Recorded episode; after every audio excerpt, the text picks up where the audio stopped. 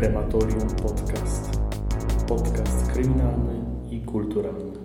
Dobry, witam w czwartym już epizodzie e, Krematorium Podcast. E, Jestem Kuba, a ty jesteś? Alek. Jeszcze jedna szybka przypominajka. Możecie nas słuchać na iTunes i Spotify oraz Anchor FM. Linki znajdziecie w opisie. Więc y, co przygotowałeś dla nas, Alek, na pierwszą historię? Um, przygotowałem historię o Jaya Simpsona. E, część z naszych słuchaczy mogą już znać o historii, gdyż jest nieco e, znana, szczególnie w kręgach true crime. Aczkolwiek jestem pewien, że przynajmniej część z was mogła o tym nie słyszeć. W tym chyba ty też, Kuba, nie słyszałeś Nie o takim słyszałem w ogóle jedynego Simpsona, jakiego znam, to pracuje w elektrowni. Tak, ten żółty skurwiel. A, w każdym razie, e, jego pełne imię to Oriental James Simpson, e, ale wszyscy go nazywają OJ. OJ. Urodził się w 1947 roku w San Francisco jako syn dyrektorki szpitala Eunice z domu Durden i Jimmy'ego Lee Simpsona, kucharza i pracownika banku. E, jednak jego rodzice rozwiedli się w 1952 roku. Em, z bardzo prostego powodu, mianowicie jego ojciec e, był znaną drag queen e, i zmarł na AIDS w U. 85 roku. To Mhm. sprawiło, że OJ był dosyć miał dosyć problemy w dzieciństwie. W wieku 15 lat był na krótko aresztowany i postawiony przed sądem za kradzieże organizowane wraz ze swoim gangiem, e, gangiem wojowników perskich. Taką mieli nazwę. Ale od si- 67 grał w drużynie New University of Sou- Southern California w pozycji running backa. A Nieprzerwanie aż do końca kariery sportowej w 78 bił rekordy. Gdy kończył karierę sportową, był drugim zawodnikiem wszechczasów w klasyfikacji zdobytych yardów. E, Znalazł się w zespole 10-lecia i 75-lecia NFL. Jego osiągnięcia na boisku zapewniły mu stałe miejsce w College Football Hall of Fame i Pro Football Hall of Fame. Czyli no, gruba ryba po prostu. Z czasem karierę sportową zamienił na medialną. Został komentatorem sportowym oraz aktorem. Możesz go kojarzyć jako aktora z, z e, roli policjanta Nordberga, którą zagrał w serii filmów komediowych pod tytułem Naga Broń. Aha, Był to często... w. W którym filmie? E, Mówię, że w tym filmie. Teraz mi się przypomniał, że istnieje taki film faktycznie. Tak, nawet seria filmów. Było 33 i 1 trzecia, chyba 2 trzecie. Nie wiem. E, Ale był tam. E, Był takim trochę haha śmiesznym, płytki, dosyć płytką śmieszną postacią, haha czarny chłop. Em, w każdym razie, pierwszy raz ożenił się 24 czerwca 67 ze swoją dziewczyną z liceum. Mieli trójkę dzieci, Arnella, Jasona oraz Aren LaShawn, e, z czego jakkolwiek ważny do całej historii jest tylko ten syn Jason. E, W 79 roku para rozwiodła się. Kilka miesięcy później, w sierpniu tamtego roku, e, Aren utopiła się w rodzinnym basenie. Właśnie Aren żyła tylko przez dwa lata, więc e, to na pewno przyczyniło się kolejne trochę. odcinki możemy robić chyba na podstawie śmierci jego otoczenia. W 1985 roku poślubił Nicole Brown, czyli jedną z głównych bohaterek tej historii. Doczekali się dwójki dzieci, córki Sydney oraz syna Justina. W czasie trwania tego małżeństwa szybko wyszło na jaw, że OJ nie był dobrym mężem. Wielokrotnie bił swoją żonę, a do ich domu Jezu. kilkukrotnie była wzywana policja. W zależności od informacji, które udało mi się znaleźć, albo ośmiokrotnie, albo dziewięciokrotnie. Więc nie, nie mało, nie mało. E, rozwiedli się w 89, czyli byli ze sobą tak naprawdę tylko 4 lata, więc wyobraź sobie, że przez 4 lata aż 9 razy policja przyjeżdża ci na chatę. To Okropność. wychodzi po prostu raz na 2-3 miesiące. Mhm. Znaczy, e, w 89 właśnie separacja, rozwód w 92, więc trochę później, bo e, niestety wtedy droga sądowa w USA, jaka była umożliwiająca rozwód, była dosyć ciężka do osiągnięcia w porównaniu do tego, co jest teraz. Co konserwatyści chcą znowu utrudnić Um, O Boże, i tak co roku. Tak co roku. Znowu coś gorszego się dzieje z Ameryką. Jakby od samego powstania Ameryki nie dało się jeszcze bardziej tego spierdolić. ej, przynajmniej kiedyś zniesiono niewolnictwo w teorii. Ale to oni stworzyli nowoczesne niewolnictwo. No, dobrze. Przejdźmy do zbrodni samej, bo to jest, to jest ciekawe, rzeczywiście. A 13 czerwca 1994 roku ciała Nicole oraz Rona Goldmana zostały znalezione na zewnątrz y, domu Nicole w Brentwood, Los Angeles. Oboje byli zadźgani na śmierć. Zarówno OJ, jak i Nicole byli wtedy w separacji i oboje żyli w oddzielnych domach, z czego oba domy znajdowały się właśnie w Brentwood, Los Angeles.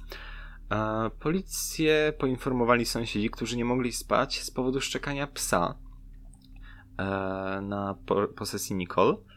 E, ten pies podobno stał u progu i zaprowadził sąsiadów do ciał e, zamordowanych. Policji udało się wykreować, powiedzmy, przedział czasowy, w jakim mogło dojść do tych morderstw. I teraz zamierzam go przeczytać. No to 12 czerwca około 18.30 Nicole, jej dzieci oraz członkowie rodziny przyjeżdżają do restauracji Mezaluna, a około 21.15 siostra Nicole dzwoni do tej restauracji, mówiąc, że zostały tam pozostawione okulary um, czu, jakiejś członkini rodziny Nicole.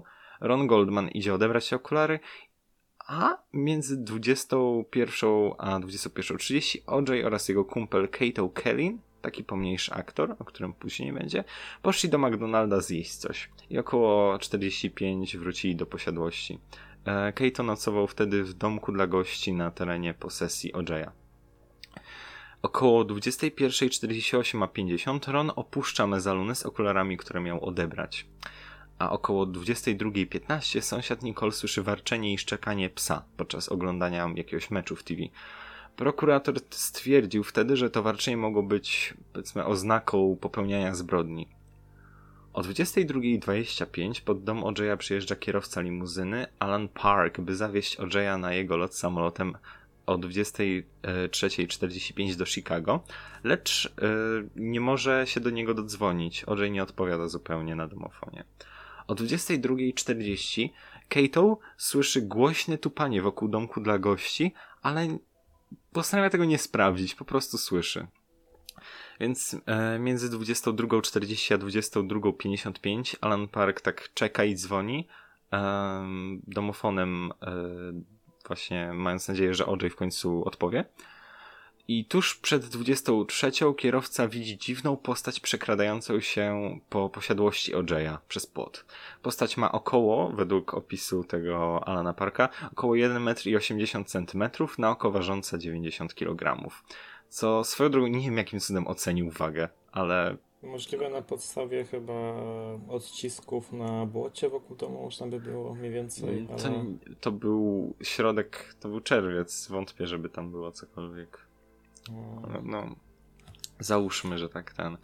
Około 23, e, niedługo po tym jak zobaczył tą postać, Alan Park, OJ odbiera domofon i mówi, że zaspał i właśnie wyszedł spod prysznica i zaraz będzie gotowym. Zgodnie z planem wkrótce później OJ zostaje odwieziony na lotnisko i odlatuje tym samolotem do Chicago tej 23.45. 10 minut po północy znalezione są ciała ofiar. Na miejscu zbrodni policja odnajduje zakrwawioną rękawiczkę, która jest zrobiona z czarnej skóry, wełnianą czarną czapeczkę oraz krwawy odcisk pal yy, stopy. stopy. Około 5 rano policja zjawia się pod domem Ojeya i szuka dowodów. Nickelodeon Crime. OJ ląduje samolotem w Chicago i prokurator dzwoni do niego, by poinformować go o losie jego obojej żony. Um, mówi, że no, twoja żona nie żyje, na co on zamiast powiedzieć, nie wiem, co się stało, jak do tego doszło, to pyta się wprost, kto ją zabił. Co już może nasuwać pewne sugestie, że on może coś wiedzieć. E, OJ został wkrótce prędko aresztowany ze względu na te wszystkie sytuacje, kiedy tą żonę bił i był przesłuchiwany przez 3 godziny, ale nie mieli na niego żadnych brudów, nie mogli mu nic udowodnić ani nic takiego, więc go wypuścili szybko. Kilka dni później, 17 czerwca w 1994 roku, OJ został określony przez policję jako sprawca dwóch morderstw, właśnie odpowiedzialny za morderstwo Rona oraz Nicole i został wezwany, by stawił się na komendzie w Los Angeles, lecz ten odmówił. Na internecie można znaleźć, jak ucieka autem przed kordonem policji. jedzie dosyć wolno. E, I ten pościg był dosyć sławny w Ameryce w tamtym czasie. E, był transmitowany, powiedzmy, w większości e, telewizji, więc może to być, powiedzmy, takim ukrytym wspomnieniem dla ludzi żyjących w tamtych czasach, w latach 90. I były po prostu donaty typu gocha, gocha, gocha, gocha. Nie, czekaj, co mogło być w tamtym czasie? E, Ronald, Ronald, Ronald, Ronald, Reagan 5 dolarów. Bush, Bush, Bush, Bush 9. Um, Oray Simpson siedział na miejscu pasażera, autem kierował jego kumpel Al Cowlings, który później usprawiedliwiał się tym, że OJ groził mu bronią oraz to, że OJ był w samobójczym nastroju. E, w aucie znaleziono notkę samobójczą OJ'a, co może potwierdzać e, słowa tego Ala.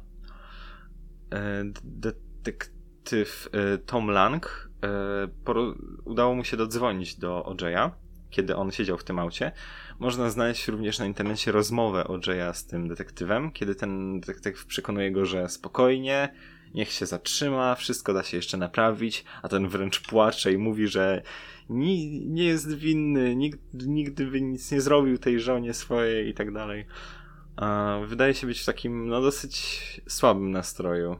Mówi, że zasługuje na karę, przez całe życie kochał e, Nicole całym sercem, cały pościg zakończył się pod domem Ożeja w Brentwood właśnie.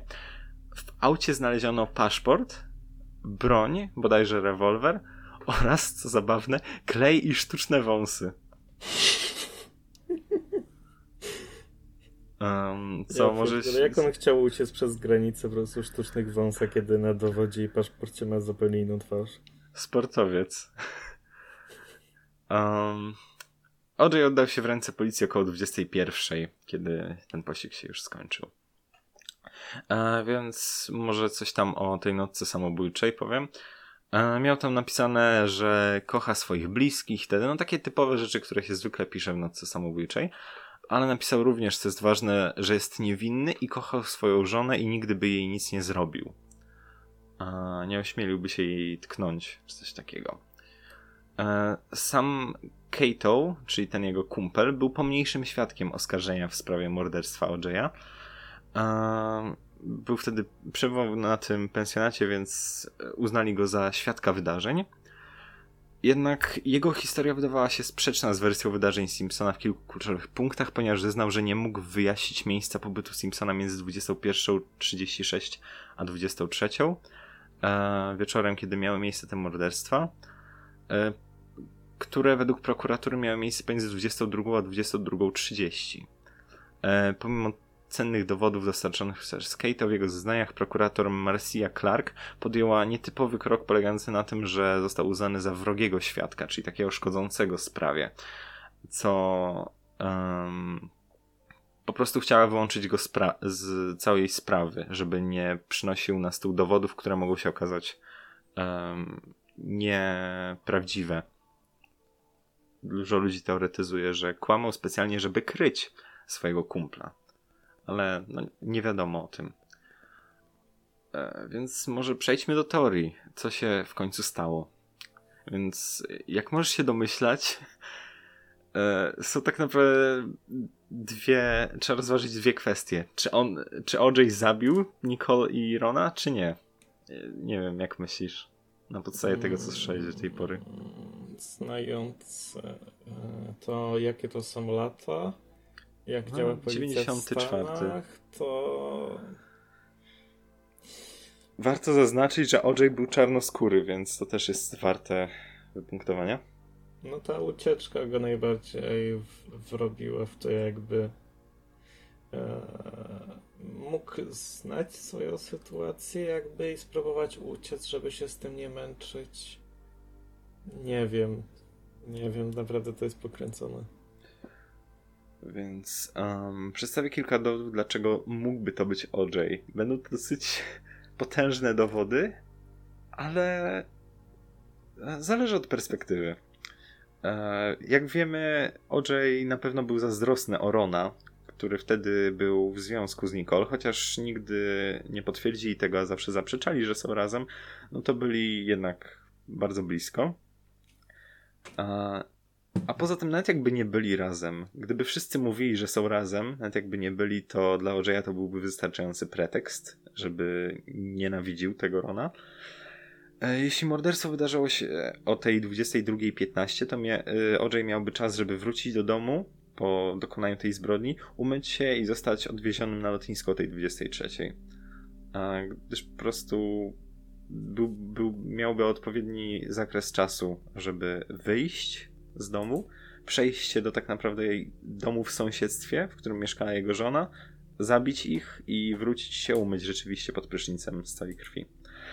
E, ponadto na terenie posesji e, OJ'a znaleziono dokładnie taką samą rękawiczkę jak ta zakrwawiona znaleziona na posesji Nicole. Tylko e, ta również miała na sobie krew. Co warto jest zaznaczenia, miała na sobie krew zarówno Rona, jak i Nicole, jak i OJ'a. Um, czapka również na miejscu zbrodni miała w sobie kilka włosów OJ'a znaleziono krew Nicole na skarpetce OJ'a w jego posiadłości oraz krwawy odcisk zna- odnaleziony na tym miejscu zbrodni pasował do rozmiaru stopy OJ'a, lecz nigdy nie znaleziono konkretnego buta, jaki e, miałby wtedy nosić.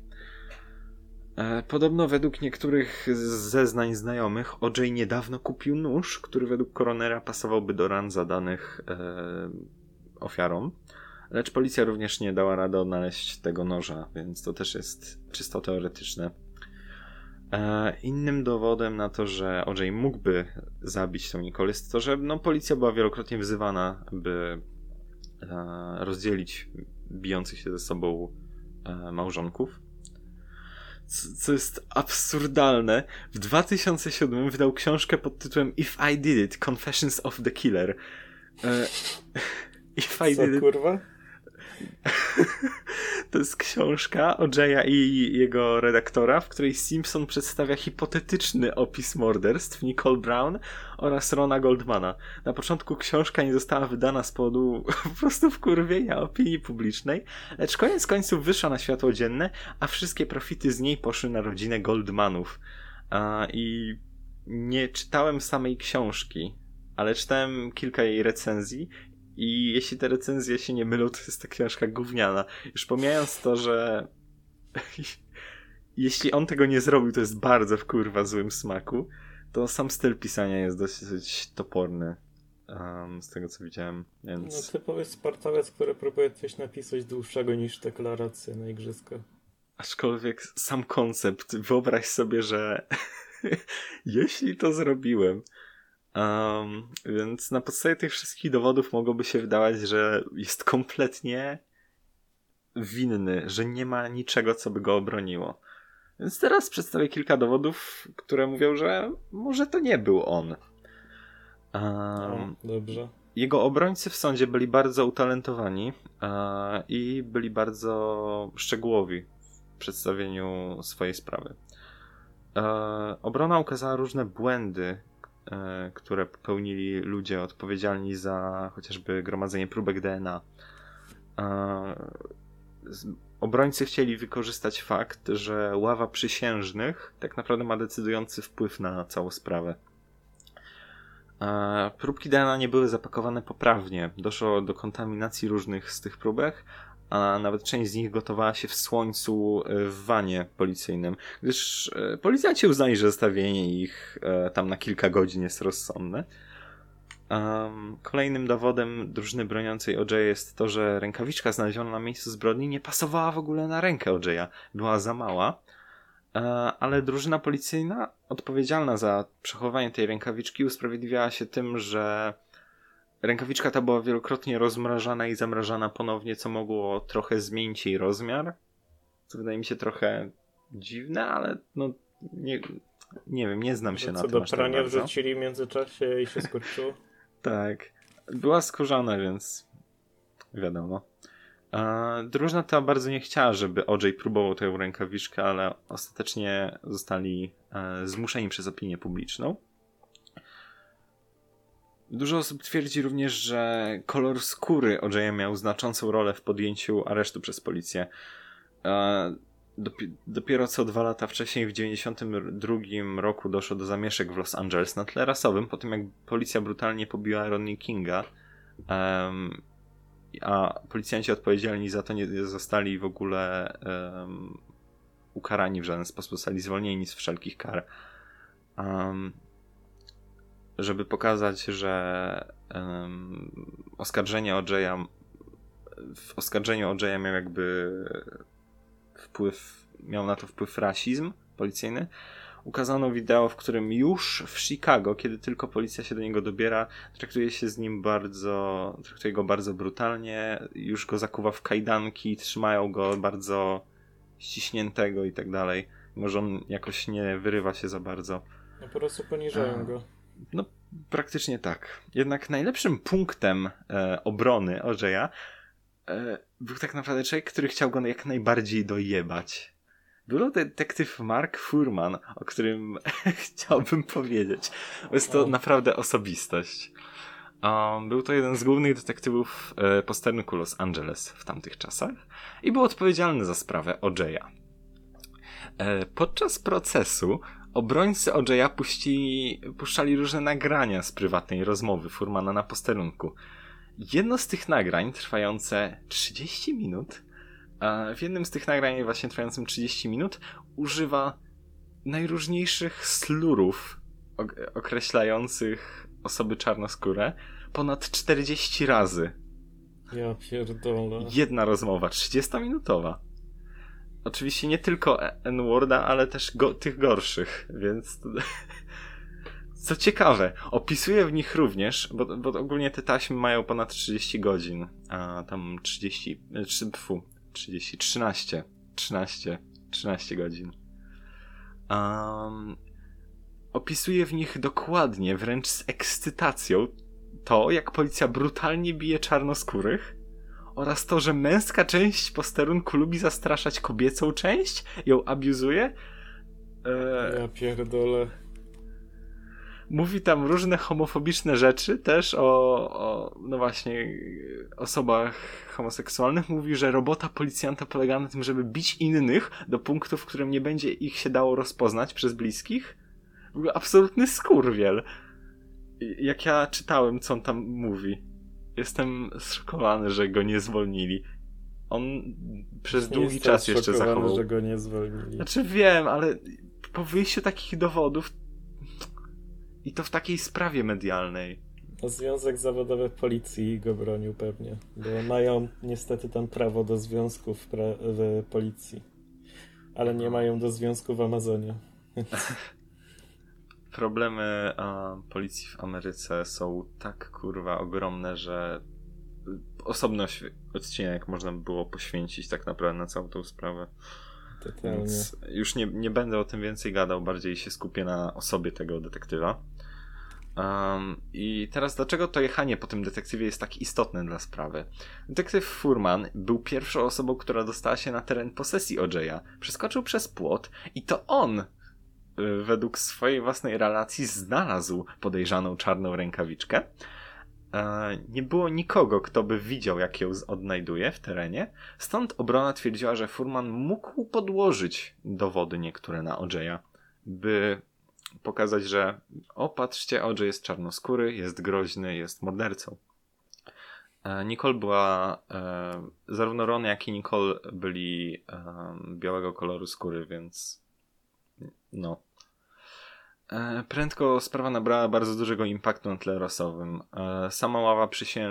przysięgłych składała się z ośmiu osób czarnoskórych, jednej osoby pochodzenia latynoskiego, jednej osoby białego koloru skóry i dwóch, ras... e, dwóch osób rasy mieszanej. Co w ogóle swoją drogą rasa nie istnieje, ale no. Tylko bardziej około drobne różnice genetyczne, bo nawet w samej Afryce jest większa różnorodność genetyczna niż między powiedzmy typowym e, Europejczykiem od pokoleń i typowym Chińczykiem od pokoleń w jakimś regionie. Więc Kocham Chingis Khana. totalnie. Um, po około 4 godzinach e, rozmów Awa przysięg... przysiężnych uznała go za niewinnego. E, OJ'a właśnie. Gdyż uznano, że jest to sprawa po prostu rasizmu ze strony policji. Ale warto zaznaczyć, że rodzina Nicole oraz Rona e, wystawiła OJ-owi e, sprawę cywilną w sądzie cywilnym, jakby. Co jest, jeśli wiecie cokolwiek o systemie sądowniczym w Ameryce, jest to oddzielne od tej normalnej sprawy sądowej. Jakby ten wyrok wciąż zobowiązuje, ale nie ma on wpływu na e, ten zwykły w normalnym sądzie. Jest to trochę skomplikowane, ale e, OJ, mimo że wygrał proces ten zwykły w sądzie, to przegrał proces cywilny, właśnie o morderstwo Nicole i Rona. E, I musiał zapłacić wtedy rodzinom Nicole oraz Rona około 34 milionów dolarów z własnej kieszeni. Więc e, jak widzisz, są dosyć skrajne opinie, czy zabił, czy nie. E, bo są dowody na to, że zabił, ale są dowody na to, że nie zabił. Więc pójdźmy jeszcze w inną stronę. Co jeśli to nie on zabił? Um, No moim podejrzanym pierwszym to jest właśnie ten Ron. Że on zabił siebie i Nicole. Mm, możliwe. Hmm. Z, z tej historii to jest e, to prawdopodobne, albo po prostu losowy jakiś człowiek z, przy napaści. No to um, mam tylko dwie teorie, z czego ta druga, mimo że jest czysto hipotetyczna, to wydaje mi się niesamowicie pasuje. A, Ale to już pozwolę, żeby wszyscy sami ocenili. Więc pierwsza teoria. Niektórzy y, w internecie twierdzą, że odpowiedzialny jest Glenn Rogers. Jest to seryjny morderca, który według zeznań swojego brata Claya Rogersa przyznał się na drodze do celi śmierci do zabójstwa Nicole oraz Rona. E, Podobno według jego słów Glenn miał być wynajęty przez OJ'a, by odzyskać z mieszkania Nicole parę kolczyków, e, ale zabić ją, jeśli wejdzie w drogę. A, Możliwe jest, że Glenn odsiadywał jednak wtedy em, wyrok w więzieniu, więc ta teoria jest kurwa cienka jak patyczek. No tak się wymknął po prostu niespostrzeżony, rzucił zaklęcie niewidzialności i No smyknął. wiadomo, użył teleporta albo tych łazików. Znalazł cheaty i zużył e, TP po prostu do niej. No, ale jak mówię, jest to teoria absurdalna. E, bardziej prawdopodobne jest, że on po prostu powiedział w drodze celi śmierci, bo mógł mówić po prostu kurwa cokolwiek. E, seryjni mordercy lubią się przechwalać zabójstwami, których nie dokonali często w drodze do celi śmierci. E, więc no. Ale druga teoria. E, ta teoria jest, jak mówiłem, czysto tylko hipotetyczna i jest na nią jak, tak naprawdę najmniej dowodów, jednak myślę, że może zainteresować wielu ludzi. Według niej sprawcą miałby być Jason Simpson, syn Orzeja z poprzedniego małżeństwa. Teoria ta została utworzona przez prywatnego detektywa Billa Dira, który warto zaznaczyć jest jednym z kilku prywatnych detektywów, który został na tyle uznany przez policję, by stać się do policyjnej hali sław. I tak, istnieje coś takiego. Pierwszy raz o tym słyszę. Ale wracając, w swojej książce, e, którą nazwał bardzo, bardzo wprost OJ is innocent and I can prove it, Bill przedstawia swoją teorię, wedle której Jason e, dokonał tej zbrodni. Jason był wtedy na probacji po tym, jak próbował zaatakować swojego już wtedy byłego szefa nożem. O, Według różnych e, zeznań świadków, jakie Deerowi udało się odzyskać z e, osobami bliskimi e, dla Jasona, sam chłopak zaatakował również swoją byłą dziewczynę, która pod pseudonimem twierdziła, iż ten próbował złamać jej kręgosłup, rzucając ją po pokoju, a potem próbując e, z, no właśnie złamać jej ten kręgosłup, waląc o kant wanny. ja pierdolę. E, Ponadto w ramach groźby odciął jej włosy nożem. E, Więc, no nie wiem, dosyć. To jest dowód na to, że byłby w stanie dokonać jakiejś zbrodni, okej? Warto No, też taka nadmienić. mała wskazówka. Taka, ci, Mała wskazówka, sugestia wręcz. Nawet nie jest sugestia, to jest to jest taki bardziej aromat tego, że można nad czymś pomyśleć bardziej niż taka, nie wiem, mało prawdopodobna. Mało prawdopodobne. Mało Warto też prawdopodobne. nadmienić, iż Deer, ten detektyw, dostał się do dokumentacji medycznej Jasona, udając doktora przez pół miesiąca w szpitalu, w, któ- w którym był przyjmowany Jason, e, aby dostać się właśnie do tych danych. Po prostu w przebraniu, kitlu i tak dalej. E, fakt, że Doczepionymi wąsami i okularami. Właśnie nie wiem, jak mu się to udało, bo to były, był które? Lata 90. późne, to już wtedy raczej... I am the spy. Um, no, ale wedle tych danych, które udało się Billowi dostać, Jason został skwalifikowany e, przez psychiatrów jako człowieka z zaburzeniem przerywanej wściekłości. Nie udało mi się znaleźć dosłownego tłumaczenia tego zaburzenia na polski, ale polega na tym, że ma po prostu epizodyczne napady wściekłości, których nie może kontrolować, z tego co czytałem. W czasie tych morderstw, e, które się dokonały w tym na Nicole i Ronie, em, Jason nie przyjmował przypisanych mu lekarstw. Podobno według rozmów z jego psychiatrą, e, Jason mówił, że będzie szaleć, co jest w ogóle kurwa absurda. Um, Będę szaleć. będę szaleć, it's Morbin time. To jest już stare po prostu, jak Nie. to wyjdzie, to już będzie to prehistoryczne. Będzie odkryte na nowo. Warto nadmienić również, że em, Jason miał wtedy alibi. Pracował tego dnia w restauracji.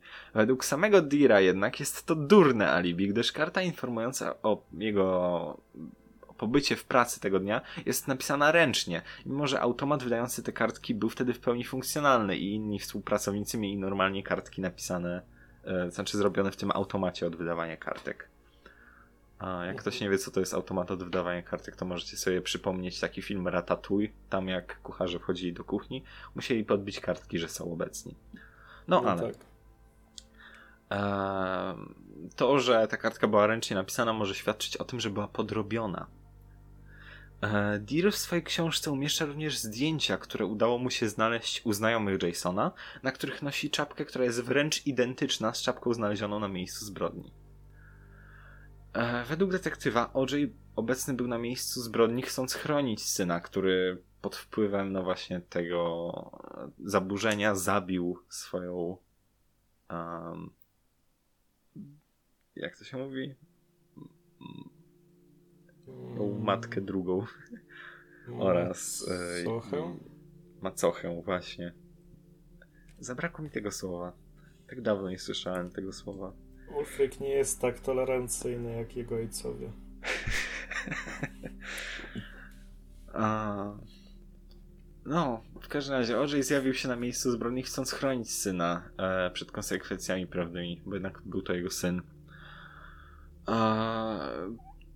Ta teoria tłumaczyłaby dziwne zachowanie OJ'a, na przykład te myśli samobójcze oraz jednak to zapewnianie, że to nie on popełnił tą zbrodnię. Lecz le- jednak niektóre dowody znaleziono na miejscu zbrodni, jak chociażby ta rękawiczka, czy czapka z włosami OJ'a, czy ten krwawy odcisk. E, Teoria ta jednak jest dosyć negowana przez wielu ludzi siedzących w tej sprawie, e, gdyż jest zbyt wygodna i nazbyt hipotetyczna, więc nie ma żadnych podstaw prawnych. Um, więc e, co warto też myślę wymienić, już nie związane z tą konkretną sprawą, lecz z osobą OJ'a, 15 września 2007 roku OJ został aresztowany w Las Vegas w związku z włamaniem do pokoju hotelowego. Sportowiec twierdził, że chciał tylko odebrać swoją własność, pamiątki po sławnych sportowcach, również dotyczące jego samego. A 2008 roku został uznany za winnego e, różnych zarzutów związanych z napadem z bronią w ręku w Las Vegas oraz porwaniem Został skazany Ale- za zbrojny napad i porwanie. Został skazany na 33 lata z możliwością warunkowego zwolnienia po odbyciu co najmniej 9 lat orzeczonej kary. Ogólnie próbował napaść na bank Ale po e, co? z Po co? zakładnikami. Po co? Ja nie, ja nie popełniłem tego zabójstwa, ja tylko napadam na banki, proszę pana. Jednak 2017 roku Komisja do Spraw Zwolnień Warunkowych stan Nevada poinformowała o warunkowym zwolnieniu Simpsona, które zaplanowano na 1 października 2017 roku, więc jest teraz wolny. Simpsonowi poświęcony jest pierwszy sezon serialu American Crime Story, co też jak ktoś chce może sobie obejrzeć, ja fragment tego obejrzałem i jest w miarę okej. Okay. Polecamy? Słucham? Polecamy? Krematorium poleca? No, możemy polecić. Możemy polecić, jest ok. E, więc to cała sprawa jest niesamowicie tak naprawdę hipotetyczna, bo wszyscy, wszystkie dowody w niej przedstawione mogłyby być w jakiś sposób sfabrykowane. Opieramy się tak naprawdę jedynie na słowach świadków, które również mogą się mylić, bo widziałem jakąś postać, Czarna postać przemknęła, czarna postać dzwoni domofonem. Może być kurwa to ktokolwiek pytasz, tak naprawdę. Pytasz się człowieka, czy widziałeś coś podejrzanego, to zawsze się znajdzie. O kurde, psy dzisiaj nie szczekały. Tak, dziwnie psy szczekały i widziałem dziwne światła na niebie. Może kosmici to byli. Zrzucili z ufa noże i zadźgali ich wtedy. Zabrali do wody. De o nie, deszcz szczeletów po prostu. Nie. No, magiczny deszcz meteorytów i magnetyzm, nie. Polecamy poprzedni odcinek Krematorium, w szczególności fragment o... Jak się to, jak to mówili Anglicy? Duch... E, nie pamiętam, taka rosyjska jakaś nazwa trudna. Diatłowa? Ditlow, właśnie. A, Ditlow, Ditlow, Ditlow. Więc e, to koniec mojej sprawy. A o czym ty przygotowałeś, Kuba? No to ja przygotowałem dzisiaj e, sprawę e, tajemnicy śmierci Andrzeja Lepera. I jako, że to jest polityk, to najpierw zrobię wstęp o nim, jeśli ktoś e, za bardzo go nie kojarzy. Dam e, w opisie fragment, do którego możecie przejść, jeśli nie chcecie słuchać e, dla niektórych nudnych rzeczy. E, Andrzej Leper był, o ile się nie mylę, prezesem PGR-u w PRL-u. Był również w Polskiej Zjednoczonej Partii Robotniczej. W młodości miał problem z dostaniem się do szkoły rolniczej, ponieważ pobił egzaminatora z kółka rolniczego lokalnego, ale udało mu się przekonać, e, żeby się dostał do szkoły. E, teraz robimy fast forward to lata 90. Otóż e, lata 90. upadek PGR-ów. Rolnicy zostali czas, często pozostawieni z niczym tak właściwie dostali często ziemię, czasami bardzo, bardzo małą.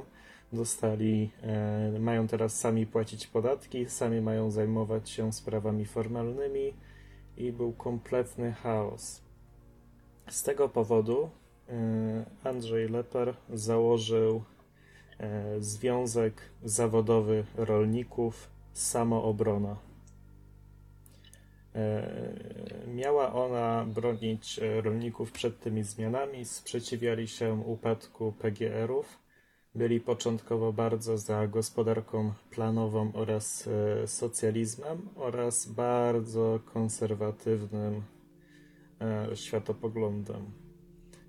Początki samoobrony Andrzeja Lepera były bardzo burzliwe blokowali drogi, e, wynieśli nawet na taczce burmistrza jednego miasteczka.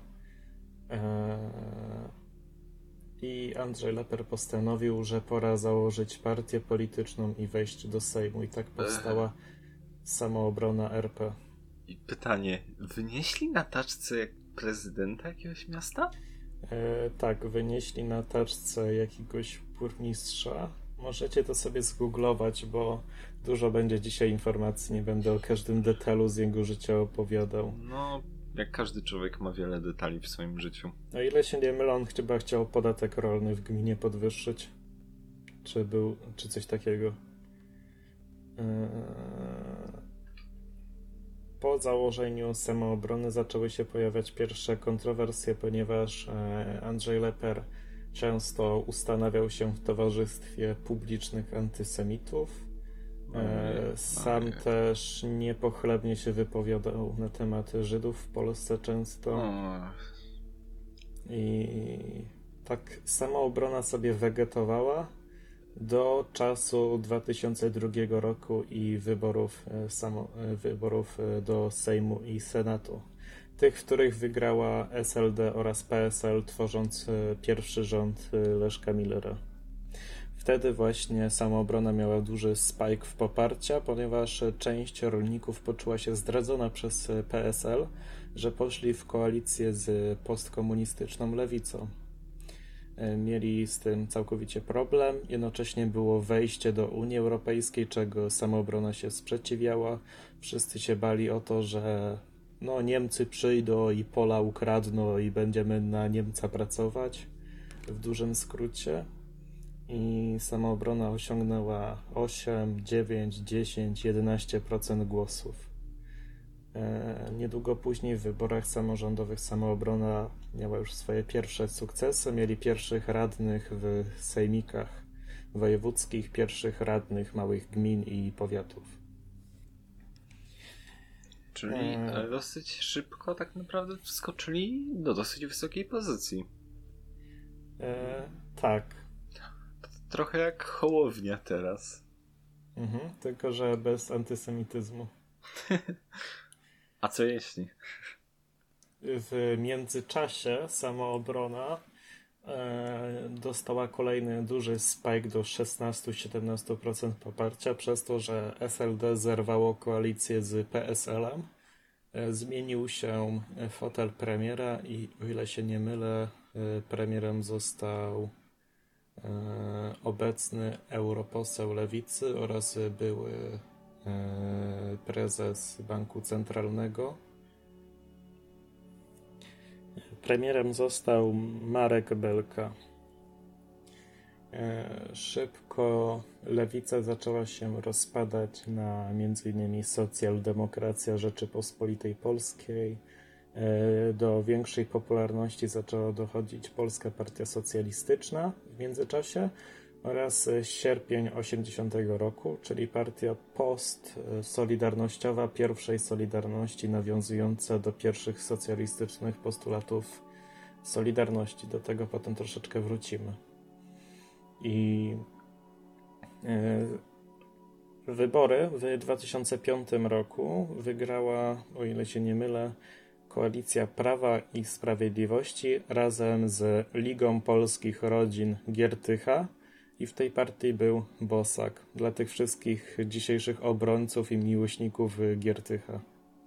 No, E, Jarosław Kaczyński, e, który sterował partią, oraz Lech Kaczyński, prezydent obecny, wzięli do koalicji rządzącej sobie samoobronę, żeby mieć większość sejmową, żeby mieć rząd większościowy.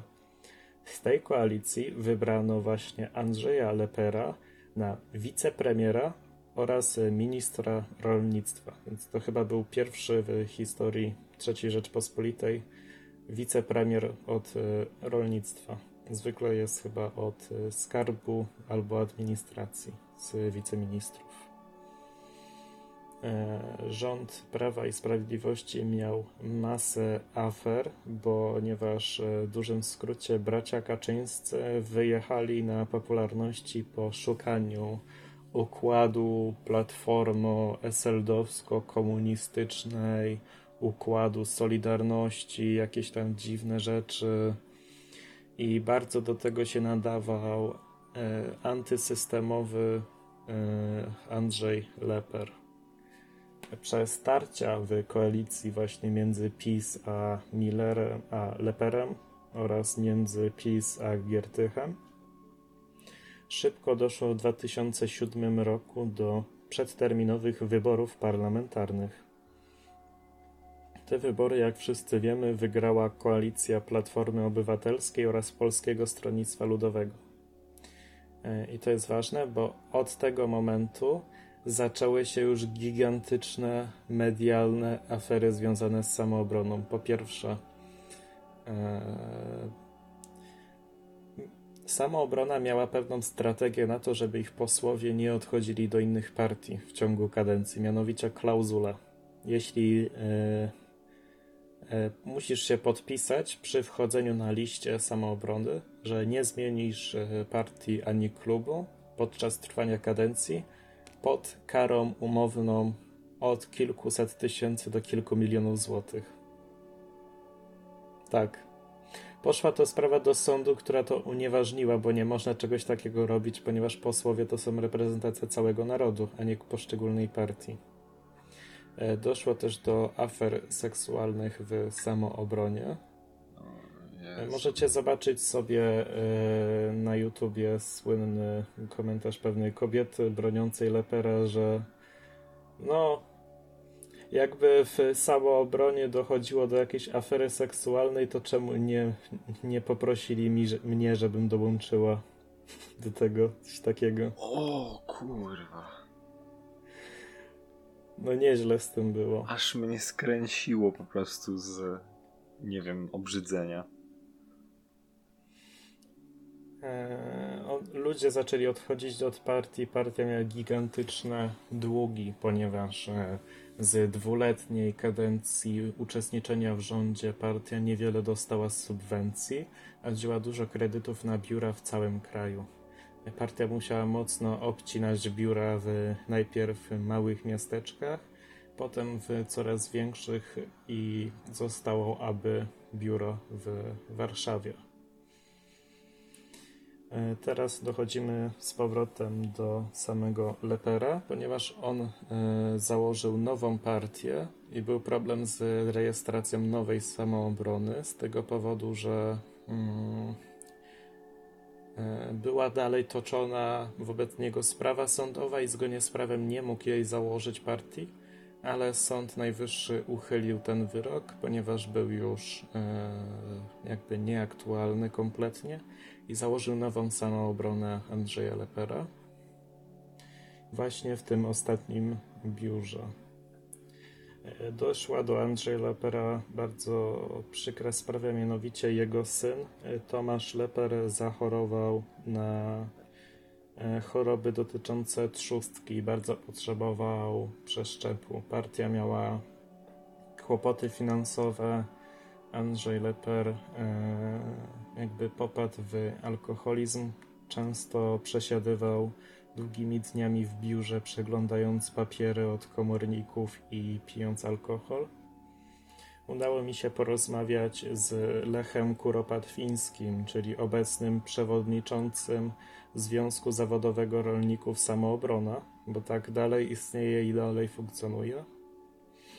E, powiedział mi, że zanim doszło do śmierci Andrzeja Lepera, nie wykazywał zbytnio myśli samobójczych, ale był głęboko przygłębiony chorobą syna. Dużo rozmawiali wtedy o chorobie syna, jak byli na e, cmentarzu.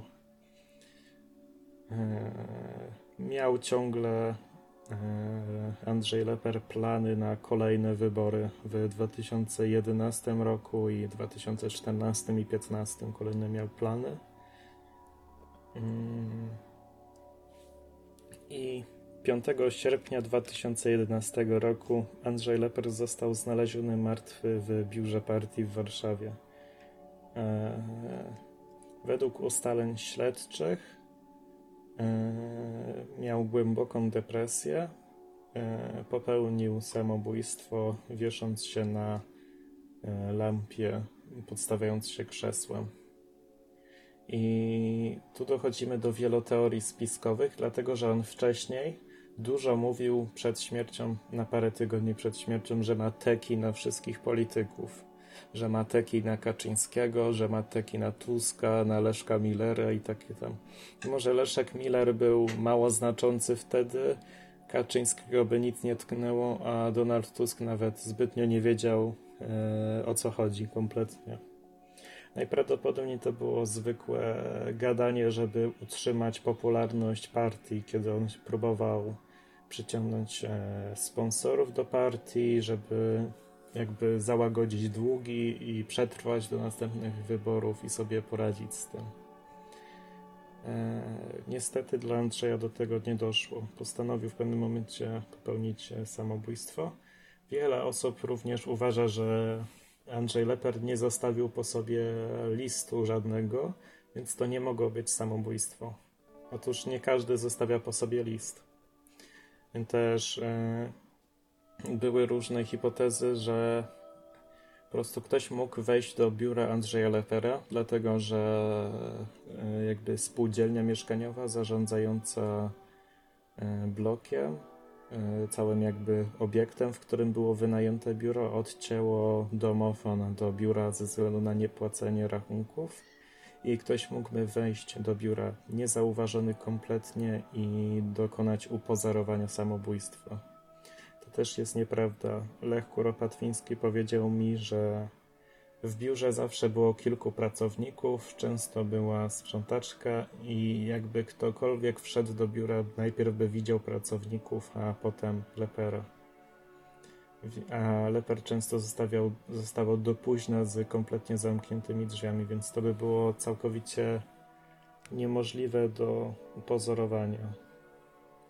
E, sprawę nagłośniło Prawo i Sprawiedliwość, że to był e, układ jakiś komunistyczny, żeby zabić Lepera, dlatego że miał rzeczy na Tuska. Tylko po to, żeby skapitalizować, e, skapitalizować całą sprawę na siebie i odciągnąć winę od tego, że tak właściwie to bracia Kaczyńscy naszczuli na Lepera. E, zniszczyli jego partię, podbierali jego ludzi, ograniczyli mu subwencje. E, sam e, Tomasz Leper powiedział po latach, że bardzo nienawidzi środowiska samoobrony, gdyż było toksyczne, ale nienawidzi PiSu najbardziej. Jego, cytując jego słowa, to Kaczyński zniszczył mojego ojca. Szukał układu, znalazł sztuczny w postaci mojego ojca. W 2020 roku e, Tomasz Leper popra, poparł e, Rafała Trzaskowskiego w wyborach prezydenckich. E, próbował kandydować z list Platformy, ale ze względu na nazwisko ojca nie był przyjęty. Wcześniej próbował również z SLD, ale nie pasowało mu środowisko postkomunistycznej lewicy. E, więc mamy tutaj na stole dwie najbardziej prawdopodobne hipotezy. Jedna jest taka, że Andrzeja Lepera ktoś no ktoś po prostu mocno zaszczuł i zmusił do samobójstwa, ponieważ nie mógł jakby w biurze go upozorować a druga jest taka, że Andrzej Leper sam popełnił samobójstwo. I to są na razie wszystkie fakty, które mamy na stole, więc jak myślisz? No, mimo tego całego gadania o tym samobójstwie, brzmi to jednak jako teoria po prostu trochę szurska.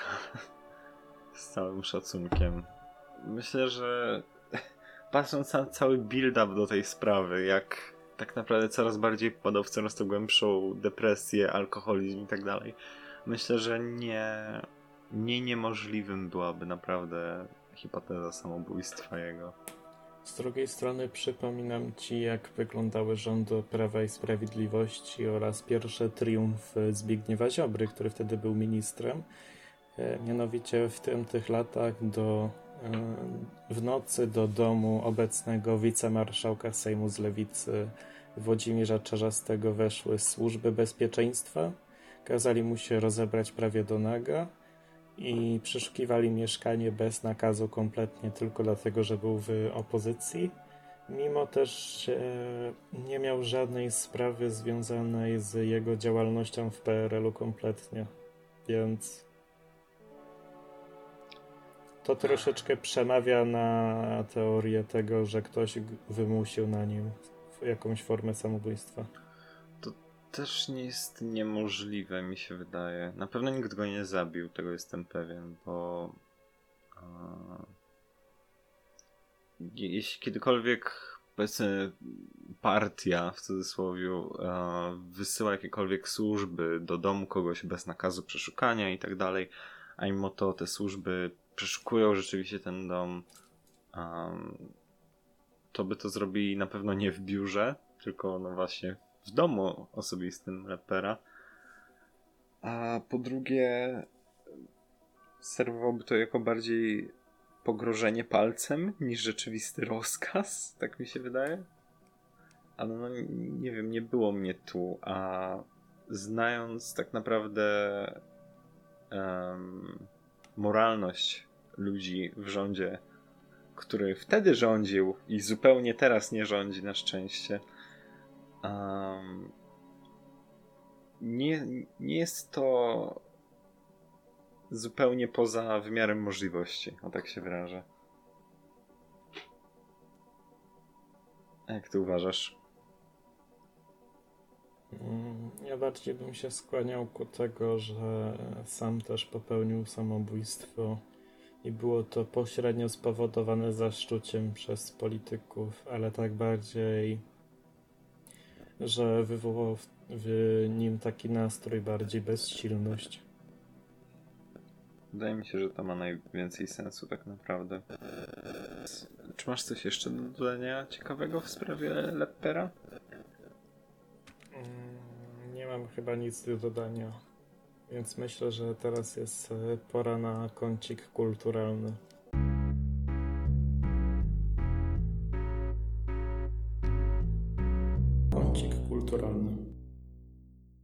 Dobrze, więc jaki temat przygotowałeś na kącik kulturalny? Z mojej strony jest to bardzo mały temat, ale wydaje mi się, że na tyle ciekawy i poruszający, że może oddziaływać emocjonalnie na wielu ludzi. Przygotowałem informacje, przygotowałem swoją taką jakby opinię, recenzję, kilka słów o grze Perfect Vermin, więc może powiem cokolwiek o tym Perfect Vermin. Jest to gra, która wyszła dosyć niedawno, bo wyszła w 2020 roku.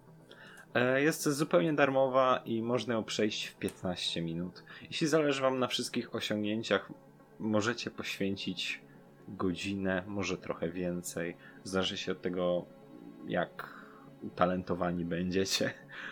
E, gra jest niesamowicie prosta i minimalistyczna. Um, no, jeśli ktoś chce doświadczyć tej gry, jest naprawdę krótka i darmowa, 15 tylko minut, może nawet 10 jak się pośpieszycie, to polecam zagrać samemu. A jeśli nie, no to zaraz zaspoileruję wszystko. Dobrze. Um, twoja postać budzi się powiedzmy w windzie.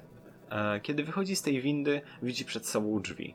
E, gra każe ci podjąć interakcję z drzwiami i kiedy tylko klikniesz przycisk interakcji, pierwsze co twoja postać robi to wyjmuje młotek i te drzwi rozwala. Dostajesz polecenie, żeby zniszczyć wszystkie vermin, czyli w tłumaczeniu dosłownym szczury, e, gryzonie. Gryzonie to chyba takie najbardziej adekwatne. Wszystkie gryzonie w biurze, w jakim się znajdujesz. E, te gryzonie bardzo łatwo rozpoznać, gdyż są to obiekty, które nie powinny normalnie się znaleźć w danym pomieszczeniu. E, jest to piętro biurowca. Czyli na przykład wchodzimy do łazienki i widzimy, że w łazience jest krzesło biurowe, więc walimy w nie młotkiem. Kiedy uderzymy w nie młotkiem, e, wokół rozpryskuje krwią i, i mięsem czerwonym. Jezu. Jest, nie, jest zrobione w takiej dosyć e, może nie pikselowej, ale takiej troszkę retro grafice. Można tak to nazwać. Bardzo stylizowane, więc nie jest to e, przesadnie graficzne ale bardzo ciekawe. Wydają przy tym, jak walniesz tą lodówkę, czy krzesło, czy dodatkowy kibel, e, walniesz tym młotkiem, wydają się taki odgłos. Um, masz pokazany licznik, ile jest na danym poziomie ukrytych właśnie tych szkodników i musisz je zabić. Kiedy wszystkie uda ci się je wybić, idziesz do windy, która prowadzi cię na kolejny poziom. Każdy poziom niesie ze sobą jakieś nowe wyzwania. Tych poziomów jest 6, o ile dobrze kojarzę. Um, z każdym poziomem coraz jest więcej tych szkodników, albo są nowe jakieś wyzwania. Uh, w pierwszym poziomie uh, jest podstawowo jest 5 tylko tych szkodników. Um, kiedy natomiast skończysz ten poziom, mówi do ciebie prezenter radiowy. Jest bardzo ciekawa zabawa z perspektywą, gdyż twój ekran gry nagle się zmniejsza, y, by pokazać twój ekran gry jako ekran e, w telewizji, w studiu telewizyjnym. E, po, tw- po prawej stronie od twojego okna z grą znajduje się prezenter radiowy, który mówi ci, że w tym budynku zaległy się szkodniki i musisz pomóc je e, oczyścić ten budynek ze szkodników. A z każdym poziomem ten prezenter radiowy ulega pewnej zmianie, jakby powoli te szkodniki przejmowały go. W pierwszym e, poziomie wygląda zupełnie normalnie, nic mu się nie dzieje. W drugim zaczyna mu trochę krew lecieć z nosa. W trzecim na jego rękach i niektórych kawałkach głowy pojawiają się dziwne bąble, pąkre jakby wrzody wręcz. E, Na drugim łapie się praktycznie za twarz. E, Jego ciało robi się dziwnie fioletowo-różowe. E, W piątym natomiast jest już absolutną abominacją, która tylko leży na stole i otwiera buzię i wydaje z siebie różne słowa. Um, ostatniego poziomu nie możesz wygrać. Ostatni poziom jest um, ułożony na skos. Um, trochę trudno to opisać e, słowami, ale kiedy spadniesz na dół pokoju, nie możesz już się dostać na górę, bo spadłeś, jesteś na samym dole. Nie możesz wrócić na górę. Masz tylko 50 sekund, 60 a na zabicie 20 aż takich e, potworów, z czego no, do większości nie możesz się nawet dostać. Więc jesteś z góry skazany na porażkę. Kiedy w końcu przegrywasz, e, twoja postać przeniesiona jest do pokoju w szpitalu, e, w którym twoja postać jest poinformowana przez lekarza w dialogu, którego nie widzimy, tylko słyszymy, że zostało panu tak naprawdę tylko kilka dni życia, ponieważ rak się rozprzestrzenił po pańskim organizmie. Niedługo pan umrze. E, Na co główny bohater mówi, że nie. E, ostatnio w mieście doszło do jakichś morderstw, do jakiejś masakry. Musi udokumentować tę historię. To będzie historia jego życia. Na co lekarz odpowiada mu, e, że nie ma co pan biec na tą historię, jak pan zaraz umrze praktycznie. Na co ten chłop odpowiada, ale to historia, za którą mnie zapamiętają. I tak się gra kończy. Um, więc pewnie zastanawiasz się, o co chodzi. Ja myślę, że to jest jakiś teaser nowej gry, jeśli się nie mylę. No, dziwo nie. Jest to jednak doświadczenie zamknięte w sobie. A niszczenie tych um, gryzoni na kolejnych poziomach budynku jest analogią, symbolem do niszczenia komórek rakowych na coraz to nowych poziomach organizmu tego głównego bohatera, którym jest sam prezenter radiowy. E, Wcielamy się, jakby nie patrzeć, w terapię em, mającą zwalczyć raka. E, Mhm.